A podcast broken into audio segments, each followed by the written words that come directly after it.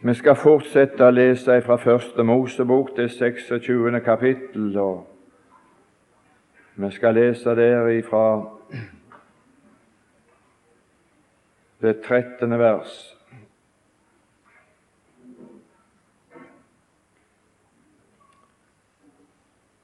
I Jesu navn.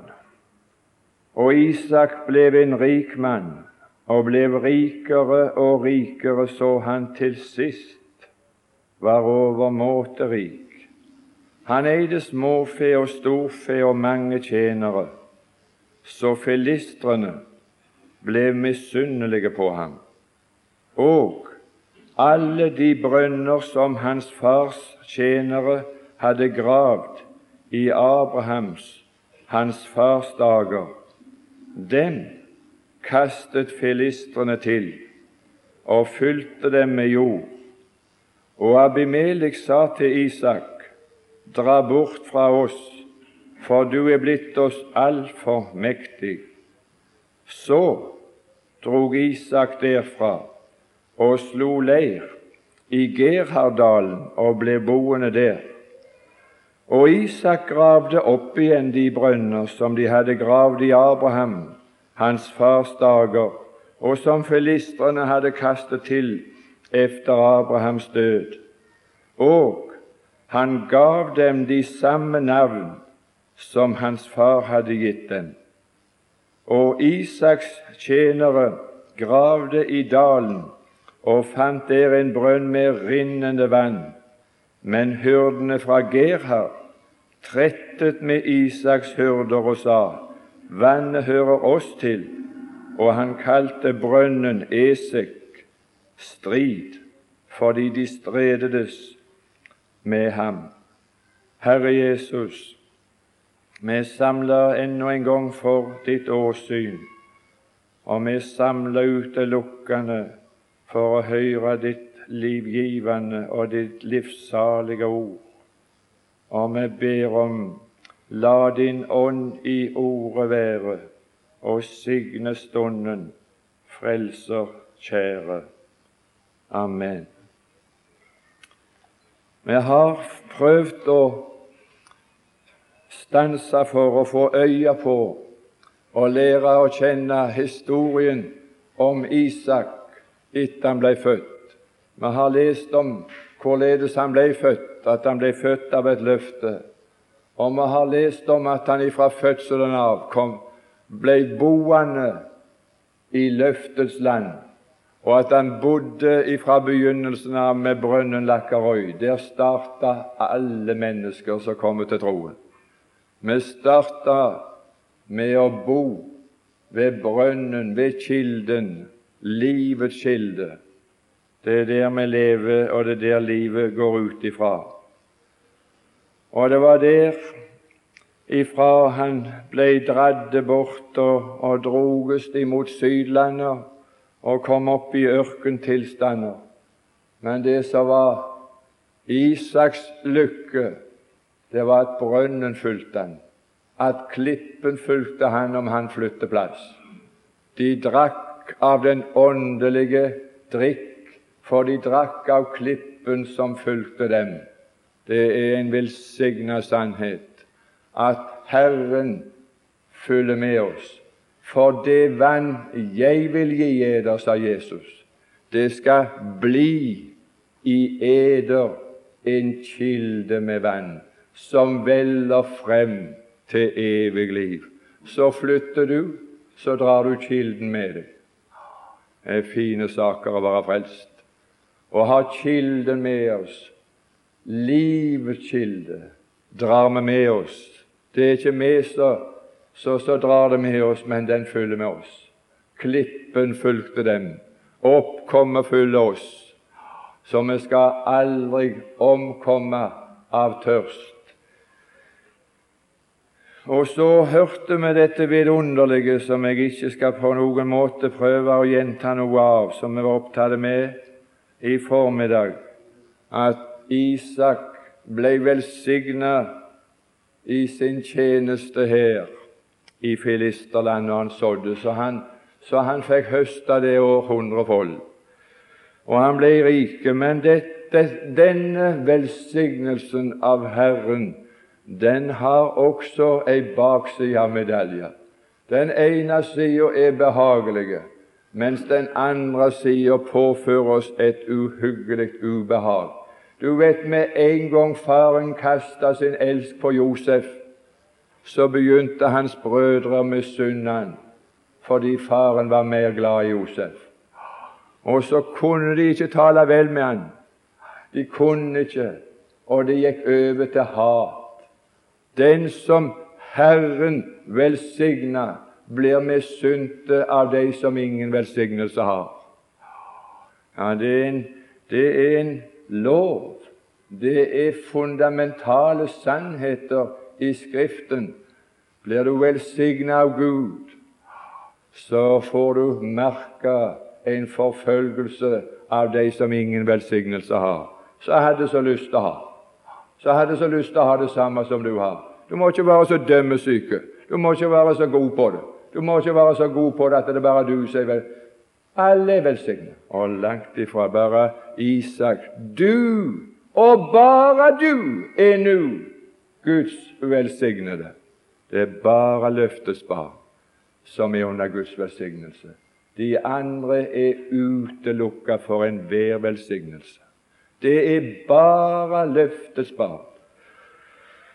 Så står det noe her at denne personen som brakte så mye velsignelse at når han sådde, så ble det hundrefold, så hungersnøden ble slutt. Det kunne jo bli, kunne jo bli nok til å så metta jordens befolkning om man var aldri så store, hvis du kunne avla hundrefold av det du sådde. Men en sånn mann, vet du hvordan de gjorde med han? Begynner du å kjenne igjen din egen historie? En sånn mann ble motarbeid. Han ble motarbeid, for han var altfor mektig for de stående. Han, var, han ble ikke motarbeidet for han var så svak og at det ikke lykkes for han. Men han ble motarbeidet for det var ingen av de som kunne det han kunne. De blir motarbeidet, de som står i forbindelse med himmelen, fordi de kan det som ingen andre kan. De kan så og høste og avle der som ingen andre kan, fordi Gud velsigna Isak. Det er Herrens velsignelse som gjør rik, og eget strev det legger intet til. Så du kan bare streve, du kan bare kave på. Det blir ørken og ingen fold. Du avler vind. Og Derfor så motarbeider de han. Tenk filistere, naturlige mennesker som hadde innvandra i løftets land, men som ikke hadde gått veien gjennom Det røde hav, men som hadde gått omveien, kongeveien, til filisternes land, uten noen form for et møte med Gud og opplevelse av undernes Gud. For det skal jeg fortelle deg, at hvis du skal komme inn i løftets land, så kommer du bare inn ved at det skjer et under. Nei, var, jeg var på et møte en søndag formiddag i Haugesund, og så var det ei jente fra Trondheim som skulle synge på møtet. Og dette var ei gospelsangerinne som det var avertert med, så jeg var jo spent til bristepunktet, for jeg har nå mine bange anelser av og til hva det kan være for noen ting når det går over på engelsk i Norge. Og så, så kom denne jenta fram og skulle synge, for jeg skulle holde, holde mitt møte og holde min preik. Og så sang hun på en sånn vidunderlig måte at du verden Og det hun sang om, det var et under når Gud skapte verden her. Det var et under når Han festa stjernene. Men da Han frelste meg, tok min synd på seg, det var et under når Han frelste meg. Det er et under å bli frelst. Ingen kan bli frelst uten ved et guddommelig under. Isaks fødsel er et under. Ingen kan forklare Isaks fødsel. Abraham var utlivde. Saras Moses kunne ikke føde. Men han ble født likevel. Han ble født i kraft av et under. Et guddommelig inngrep. Det var et under når Herren frelste meg. Jeg er ikke kommet inn i løftets land ved noen snikveier og omveier ved anstrengelser. Jeg kom inn i løftets land ved et guddommelig inngrep i mitt liv. Jeg ble født av et løfte. Livets kilde. Jeg kan ikke si mer om det, men en blir motarbeidet av de som er naturlige mennesker i kristelige ting. For de kjenner ikke til dette her. Jeg kjenner ikke til noe sånt guddommelig inngrep i mitt liv, var det en forkynner som sa. Hva er det da du kjenner til? Det skal jeg ikke si. Ja, ja, han ble motarbeidet, og ikke bare det, men vi leste om at han som herska der, han sa til Isak, dra bort fra oss. Du er blitt oss altfor mektig. Og nå er det praktiske sannheter. Herren hadde gitt meg et budskap for å hjelpe oss til å vite hvorledes vi skal oppføre oss når dette blir de historie. Når du som løftets barn opplever å bli motarbeidet fordi du er velsignet av Herren. Hva skal du da? Hvorledes skal du da stille deg? Hvorledes skal du da oppføre deg? Og når de sier 'dra bort fra oss', så står det så drog Isak derfra, ikke før. Jeg skal iallfall love Herren det. Jeg vil leve mitt liv etter dette program. Om det skal være aldri så ubehagelig for meg å oppholde meg i dette grenselandet, oppholde meg i dette lavlandet, oppholde meg i disse som motarbeider meg, jeg forlater de ikke før de driver meg ut. Jeg går aldri frivillig ifra de. Jeg vil ikke frivillig forlate et sted så det går an å høste hundrefold. Han gikk ikke før han ble dreven ut. Du må aldri frivillig forlate noen form for kristelig virksomhet før de driver deg ut. Gå ikke frivillig. Du må bli kasta ut. Du må bli drevet ut. For deres velsignelse er at du skal være der og være den velsignede som skal kunne så livets ord og avle der. Og hvis ikke troens mennesker er der, så er det ingen som kan så. Så vil det gå inn i den evige død. Du må aldri forlate det. Om det er aldri så spinngale, alt det som er omkring deg, ukristelig, du må ikke gå ifra dem for da er det redningsløst fortapt for dem. Du må bli der så lenge du får lov.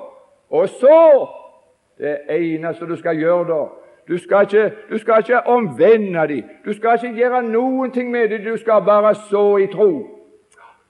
Isak sådde det år der i landet, og så avla han hundrefold fordi Herren velsigna han. Vi må aldri gå ifra dem. Da er de redningsløst fortapt. Vi må ikke gå Å, men det, det påfører oss ubehagelig å leve i lag med fiender. Leve i grenseland. Det, det er ubehageligheter å være i krigen. Det er mye tryggere å være i en by, i, i, i, innenfor en borg. Men å leve der, på selve slagmerken, der mennesker holder på å gå til grunnes, der må jeg og du være. Men når du ikke får lov å være der lenger, så er du nødt til å gå. Når de kaster deg ut. Der står om han der stakkaren i Johannes 9. Han ble kastet ut. Og det hender av og til også at når de motarbeider oss når vi vil så Guds ord på denne måten, så driver de oss ut. Så gikk han. Så drog Isak. Hvor langt gikk han? Han var ikke kort. Det var ikke langt. Han gikk ikke langt ifra dem. Han gikk ikke lenger han ble nødt til å gå. Han gikk ut fra hovedstaden, og så gikk han ut fra Gerar. Og så oppholdt han seg i Gerardalen, vers 17. Så drog Isak derfra, og så slo han leir i Gerardalen og ble boende der. Han kom ikke langt ifra dem. Å, du må aldri gå langt ifra dem om de, om de motarbeider deg om de forfølger deg, om de, om de driver deg vekk. Du må aldri gå langt ifra dem. Du må alltid være i nærheten, så du fremdeles kan være en sjelevinner for dine forfølgere, for dine motarbeidere.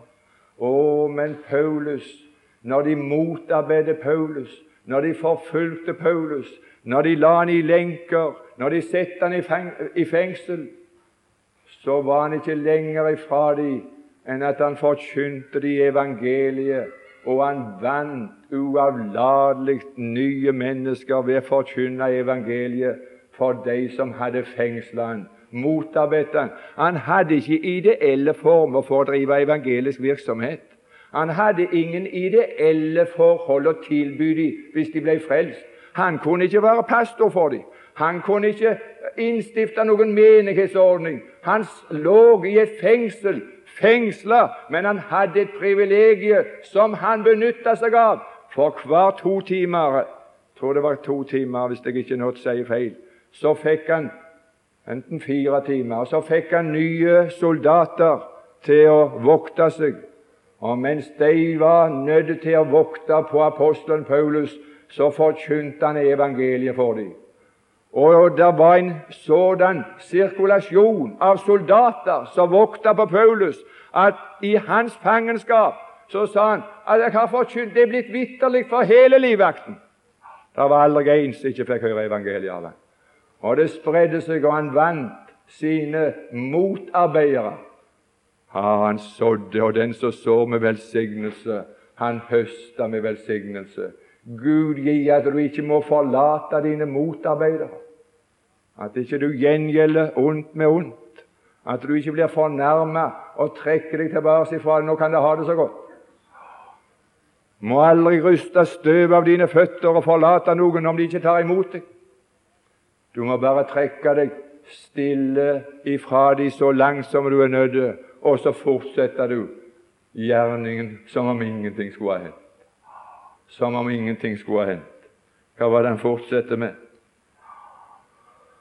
Ja, Det er noe av det viktigste av alt viktig. Det første jeg har lyst til å fortelle deg om, hva historien fortalte når Isak var motarbeidet, når Isak var dreven ut, og når han var slått leir i deres egen dal, så hadde drevet han ut.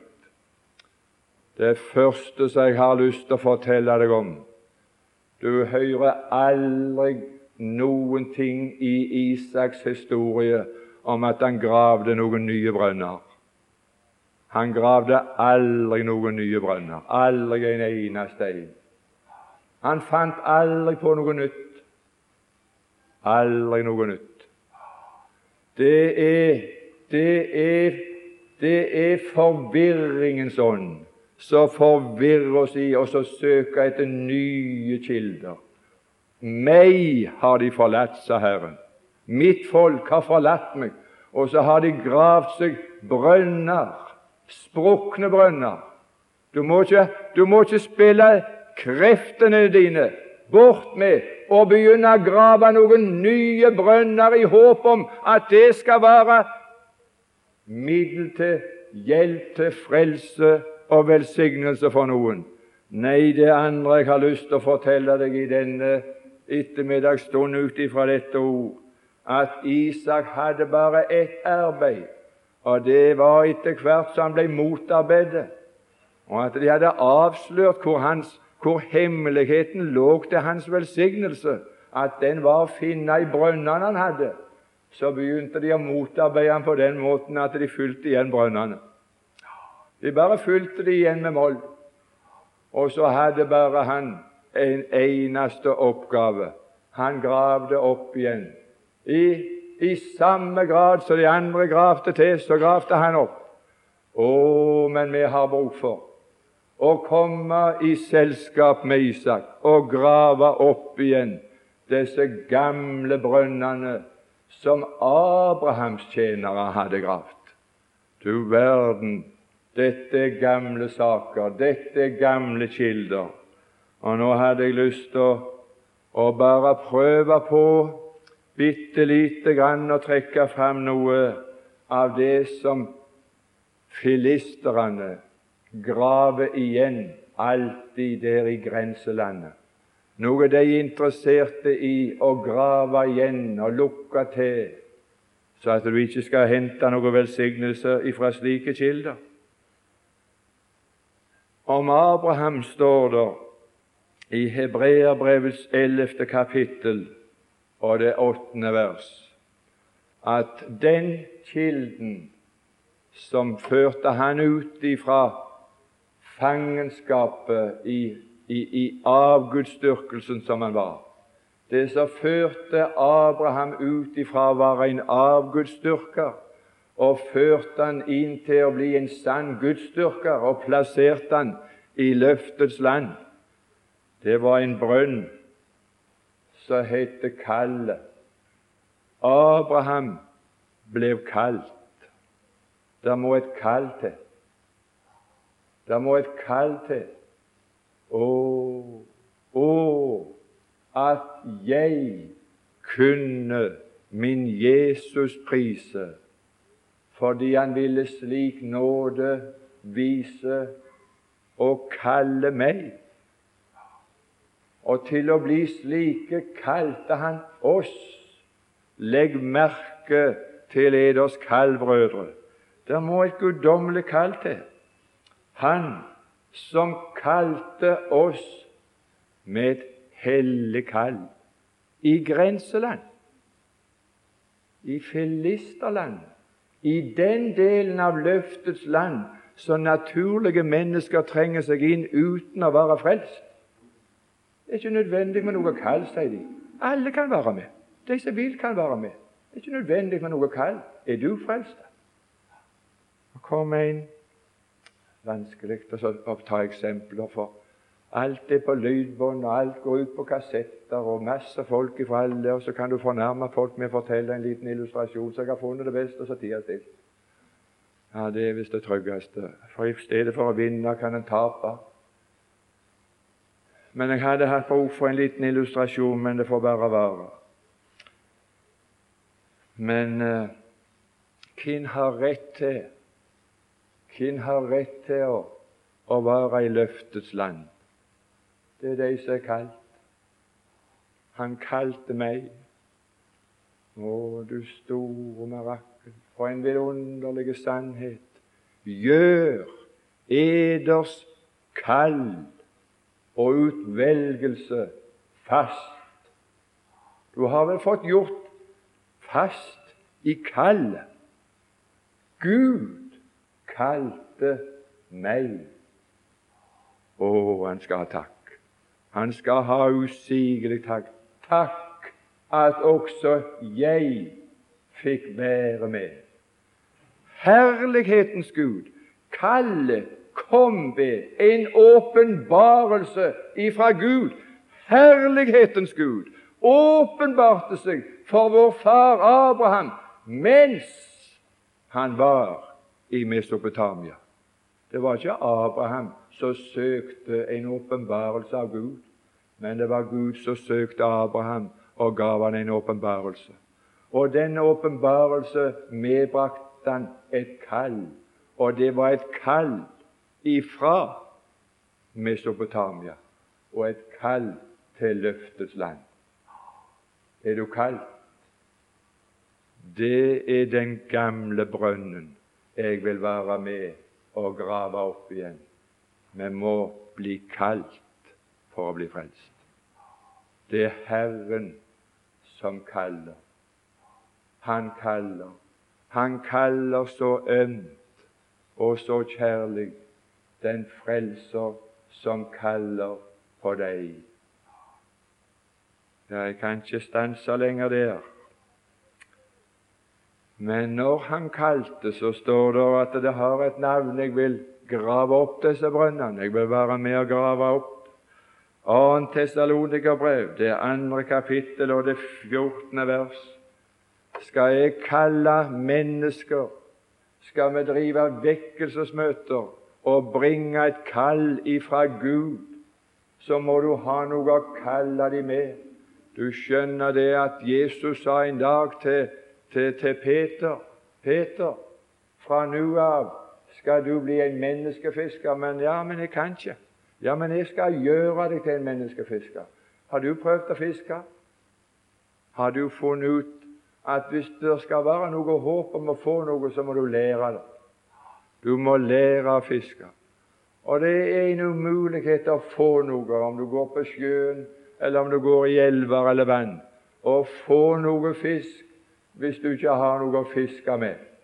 Du kan ikke bare kalle på fisken, og så kommer han. Du må nå ha noe å kalle han med. Og når du skal ut og kalle på sauer, så kan du ikke bare kalle på sauer, men du må ha noe å kalle dem med. Du må ha noe å kalle dem med. Når jeg skal ut og kalle mennesker ifra himmelen, så har ikke Gud sendt meg tomhendte. Men Han har sendt meg ut, og så, så har jeg noe å kalle dem med. Og Da er det spørsmål om jeg har den brønnen med meg når jeg forkynner. Om jeg har noe å kalle med. Om jeg har en brønn.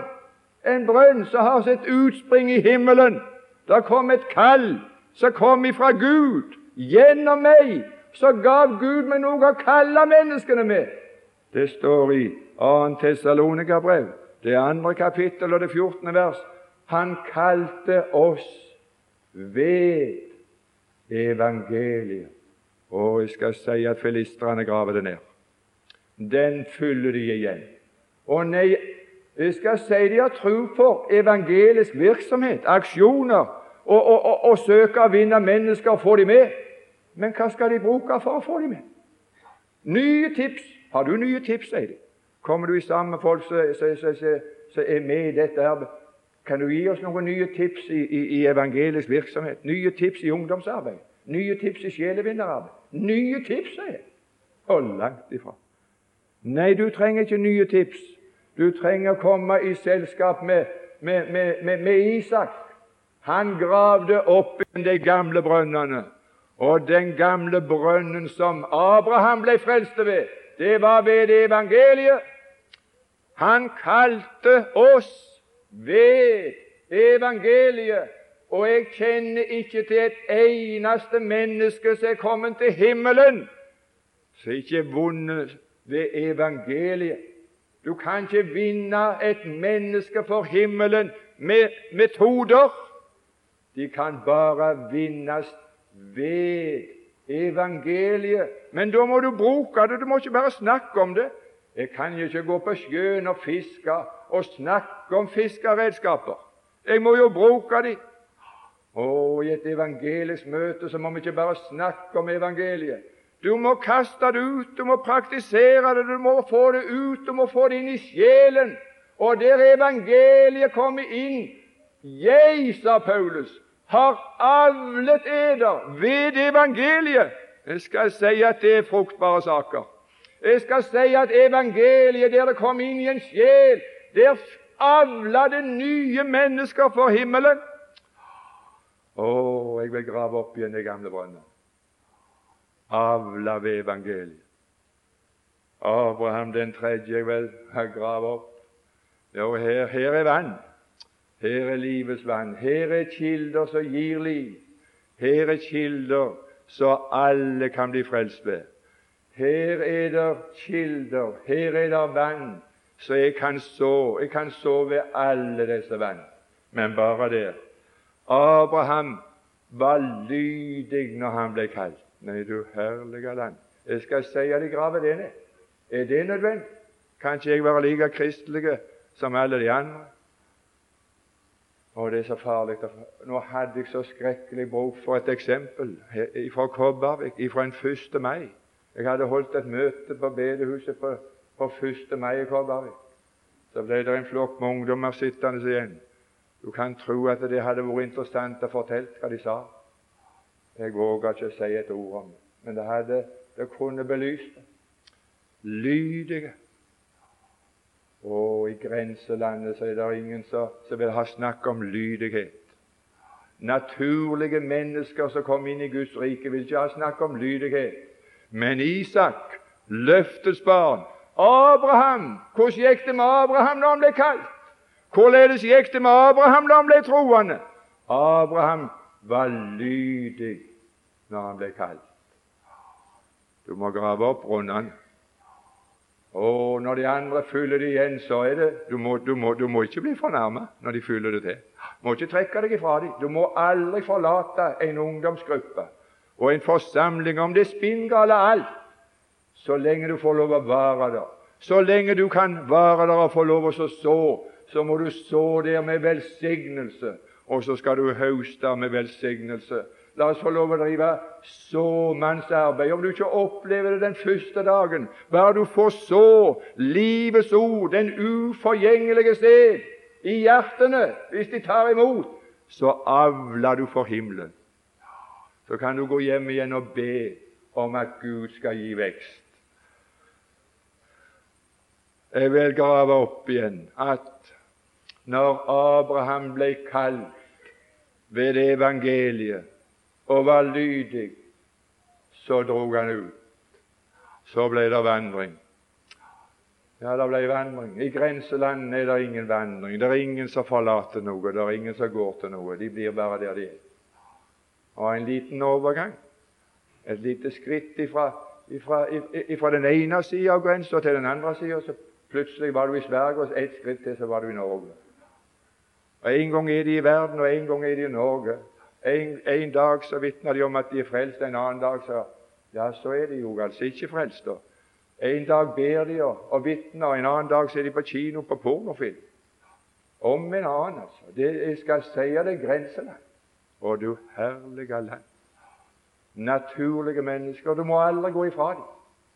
Ikke før du, de, de, driver deg bort. Men om de, om de driver deg ut, så må du, du må ikke gå langt ifra dem. For hvis du går ifra dem, så er de redningsløst fortapt. Du må være i nærheten og grave opp brønner. Og så må du sove disse brønnene. Så skal du kunne høste. Så skal du kunne vinne noen av disse stakkars forkomne sjeler. Han dro ut. Hvorledes er det det foregår når mennesker kommer til troen? Ja, vi har ett eneste brev i Bibelen som er gitt oss som forbilde for alle de troende, og det er første Tessalonika brev 1. Og bare ett eksempel derifra. Der står i det første kapittel, og det åttende vers De forteller selv Det er ikke andre folk som skal si når du blir frelst. Vi har så skrekkelig lett for oss å gå hjem og si I, i, i kveld var det en som ble frelst. Ah, så hadde vi noen møter på Åkra, og så, og, så, og så, kom det ut et rykte i Pokra. I går ble han frelst. Ja, og det sa snart hele Åkra. I går ble han frelst. Og så, og så begynte folk å gratulere han altså for at han var blitt frelst. Og så ble han så fornærma, fykende sinte, for han hadde ikke blitt frelst. Og ikke hadde han tenkt på det heller, men han hadde, han hadde vært på møte. Og så hadde han altså vært i nærheten av der så de, så de andre gikk opp. Så, så, så, gikk ryktet ut på Nå var han jo blitt frelst. Han fikk ikke kjangs å si det sjøl.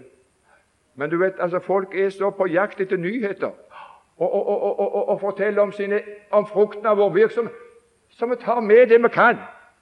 Og så blir de sinte, og så støyter vi de fra oss. Nei, vet du hva det står her? Selv forteller de om hvorledes de vendte seg. Hvorledes det gikk for seg når de omvendte seg. Hvorledes går det for seg når folk omvender seg? Vender de seg ifra avguder, ifra verden og til Gud, og langt ifra. Det er ingen som blir frelst ved å vende seg ifra noe. Det er ingen som blir frelst med å slutte med det og slutte med det og slutte med det. Aldri gøy. Men vet du hva de blir frelste med? De blir frelste med at det kom et kall ved det evangeliet.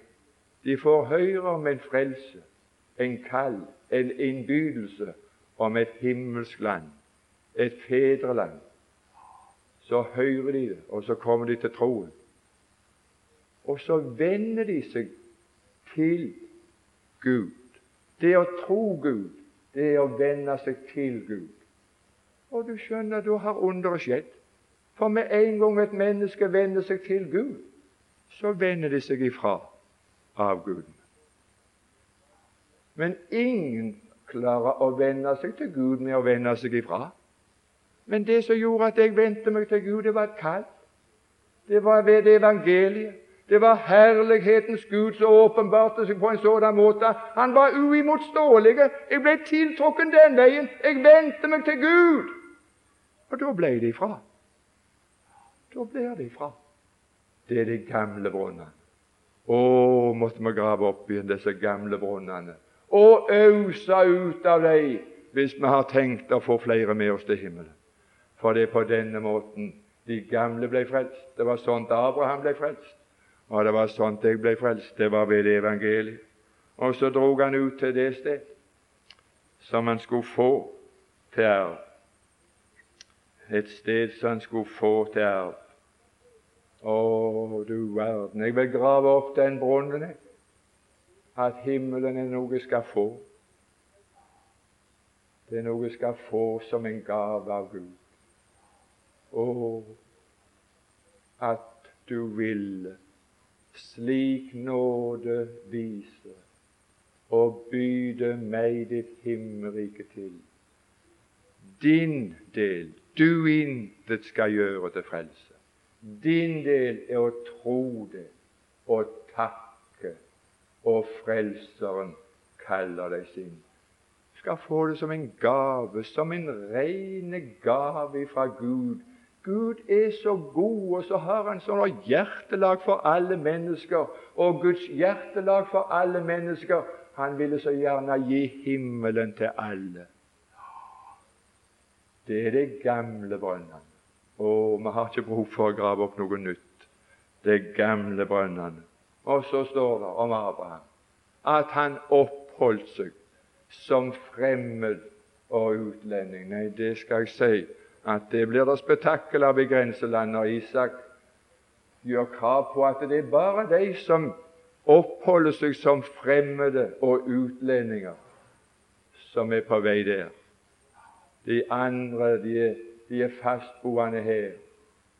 De er kjent her, og de er fremmede der. Men løftets barn, de er fremmede her, og de er utlendinger her. Og det er ikke bare det, men de bekjente at de var fremmede, og de var utlendinger. Hvorledes bekjenner jeg det? Ja, trenger ikke si et ord. Når jeg er hjemme, så er jeg ikke fremmede utlendinger. Da tar jeg meg til rettes akkurat så det passer meg. Jeg gjør akkurat det jeg vil. Vil jeg ha skoene på meg, så har jeg de på meg. Vil jeg ha dem på bordet, så har jeg dem på bordet. Vil jeg ligge på benken, så ligger jeg. Akkurat som jeg vil. Går jeg i skapet der eller der, gjør det jeg vil. Fordi jeg er hjemme der. Jeg er altså Men du herlige land, jeg har hatt en opplevelse rikelig rundt omkring i landet som bo og oppholde meg som fremmed i huset. Jo, det skulle ta seg ut at jeg, at jeg, at jeg oppførte meg likt de andre i huset. Det skulle bli spetakkel. Nei, er jeg fremmede, så får jeg oppholde meg som en fremmede. Ikke kan jeg ta skoene av meg i hytta hver heller. Ja, det er blitt vanlig nå, for nå har vi så fine tepper. At sannelig hiver de skoene av seg, altså ungdommene, om kveldene når de kommer. Eh, når jeg kommer hjem, så er det et drøss med sko i gangen. Det er det groveste. Men det, det var ikke det. Og du store mirakler, opphold oss som fremmede. Vi kan ikke tillate oss det som de andre kan tillate. Utlendinger, hva er det? Det er, det er noen problemer med å bli forstått. Har du problemer med å bli forstått av de verslige? De troende blir ikke forstått. Det er noe problem med språket. Jeg var i Sverige. Jeg har ikke vært utlending mye, men jeg har vært en tur. En tur i Danmark, men da kjørte vi, så jeg, jeg var der ikke. Men jeg var i Sverige og skulle holde møter. Du kan tro det var kluss med språket. En Karmøybo med ekte Karmøy-dialekt som snakka i Sverige.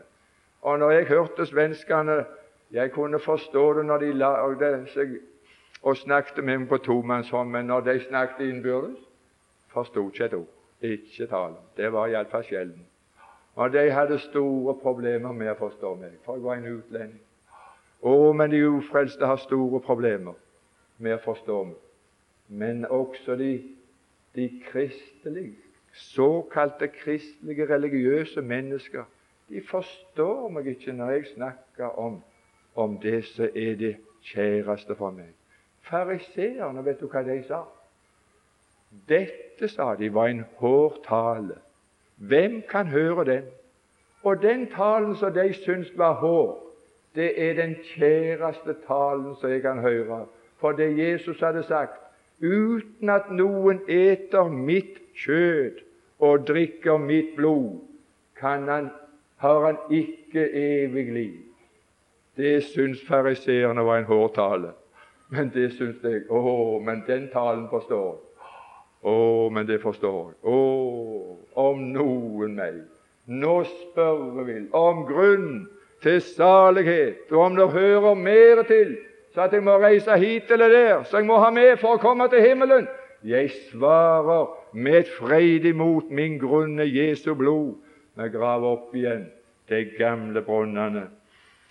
Jeg skal slutte øyeblikk. Vet du hva det sto vi leste? Altså at den første brunnen som de gravde opp igjen, det var en brønn som gav rinnende vann. 19. vers. De fant der en brønn med rinnende vann. Og rinnende vann i Bibelen, det har Jesus forklart oss, at rinnende vann, dette sa han om den ånd som de skulle få, som trodde på ham.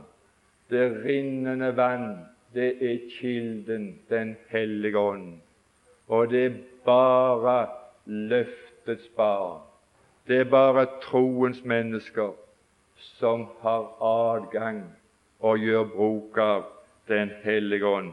Naturlige mennesker kan ikke få Den hellige ånd, og derfor graver de igjen den brønnen. Det er ikke nødvendig med Den hellige ånd, sier de. sier det er ikke nødvendig. Alle har Den hellige ånd. Det er ikke noe forskjell på det. Gud har gitt oss alle ånd. Det står noe her at den brønnen fikk et navn, og det navnet var Esek. Og Esek betyr strid. Og det er ingen sannhet så det står så mye strid om som Den hellige ånd. Og du gru, men det står strid med en gang du graver opp igjen de gamle brønnene som Abraham grav, disse gamle brønnene, det som Gud har sagt oss om Den hellige ånd. Ikke nye sannheter om Den hellige ånd, men de gamle sannheter. Og så står det ikke bare at han gravde dem opp igjen, men han gav dem de samme navn som hans far hadde gitt dem. Og når du gir Den hellige ånd de samme navn som han hadde før, så blir det strid på flekken. Ese går i oppfyllelse. Der blir strid. Den første brunnen vakte opp igjen striden mellom kjødelige fariseere og sanne løftes barn. For sannhetens ånd, den kan verden ikke få men vi har fått den ånd som er av Gud. Og jeg vil slutte med å lese Efeserbrevet 1.13. Og leser du det, så er det strid i denne forsamling med en gang. Jeg går ut ifra det at allerede her, men jeg har lyst til å grave den opp igjen, sjøl om det vekker strid, for der er det, der er det noe å øse av. Der står vi har fått Den hellige ånd og så står det et navn. Gav Den hellige ånd det samme navn som han hadde hatt før. Fikk Den hellige ånd til innsegl. Til innsegl. Hva betyr et innsegl? Et innsegl, sier Skriften i profeten Daniel, det sjette kapittel og det, det attende vers. Forseglet så sette et seil så at det ikke skal skje noen forandring med det som er bestemt med Daniel. Gud har gitt løftets barn Den hellige ånd til innsegl for at det ikke skal skje noen forandring med det som er bestemt om Isak med det som er bestemt om løftets barn. Ah, det var i den hensikt vi fikk Den hellige ånd. Vil du være med og grave han opp igjen? Han er snart nedgravd alle veier. Jeg har gått på så mange møter, og det er ikke det dere blir snakk om når det er Helligåndskonferanse. Og det er ikke det nå, når det er så kolossalt mye snakk om Den hellige ånd, at det er slike navn de gir på Den hellige ånd. Jeg har første gangen til å lese et, en stavelse om det blant disse som er så interesserte i, i, i, i sannheter om Ånden. Men dette er den første tingen og den viktigste tingen med Den hellige ånd. Det var navnet til innsegl. Esters bok, det åttende kapittel og det åttende vers, forseglet med kongens seil. Det kan ikke forandres. Det kan ikke forandres. Når du gir Den hellige ånd det slike navn som den har hatt ifra Bibelens dager, så vekker det strid. Men også blir det motarbeid, for det er sånne velsignelser å høste av det. Det er sånn trøst å høste av det. Det er sånn rike høst. Den som sår ved slike vann, han høster han høster hundrefold, og han blir rikere og rikere. Til slutt så blir han meget rik. Og så blir du så mektig at den eneste måten du blir motarbeidet, og så blir du dreven ut. Går ikke lenger enn høyst nødvendig. Forsøk å sove ved alle vann.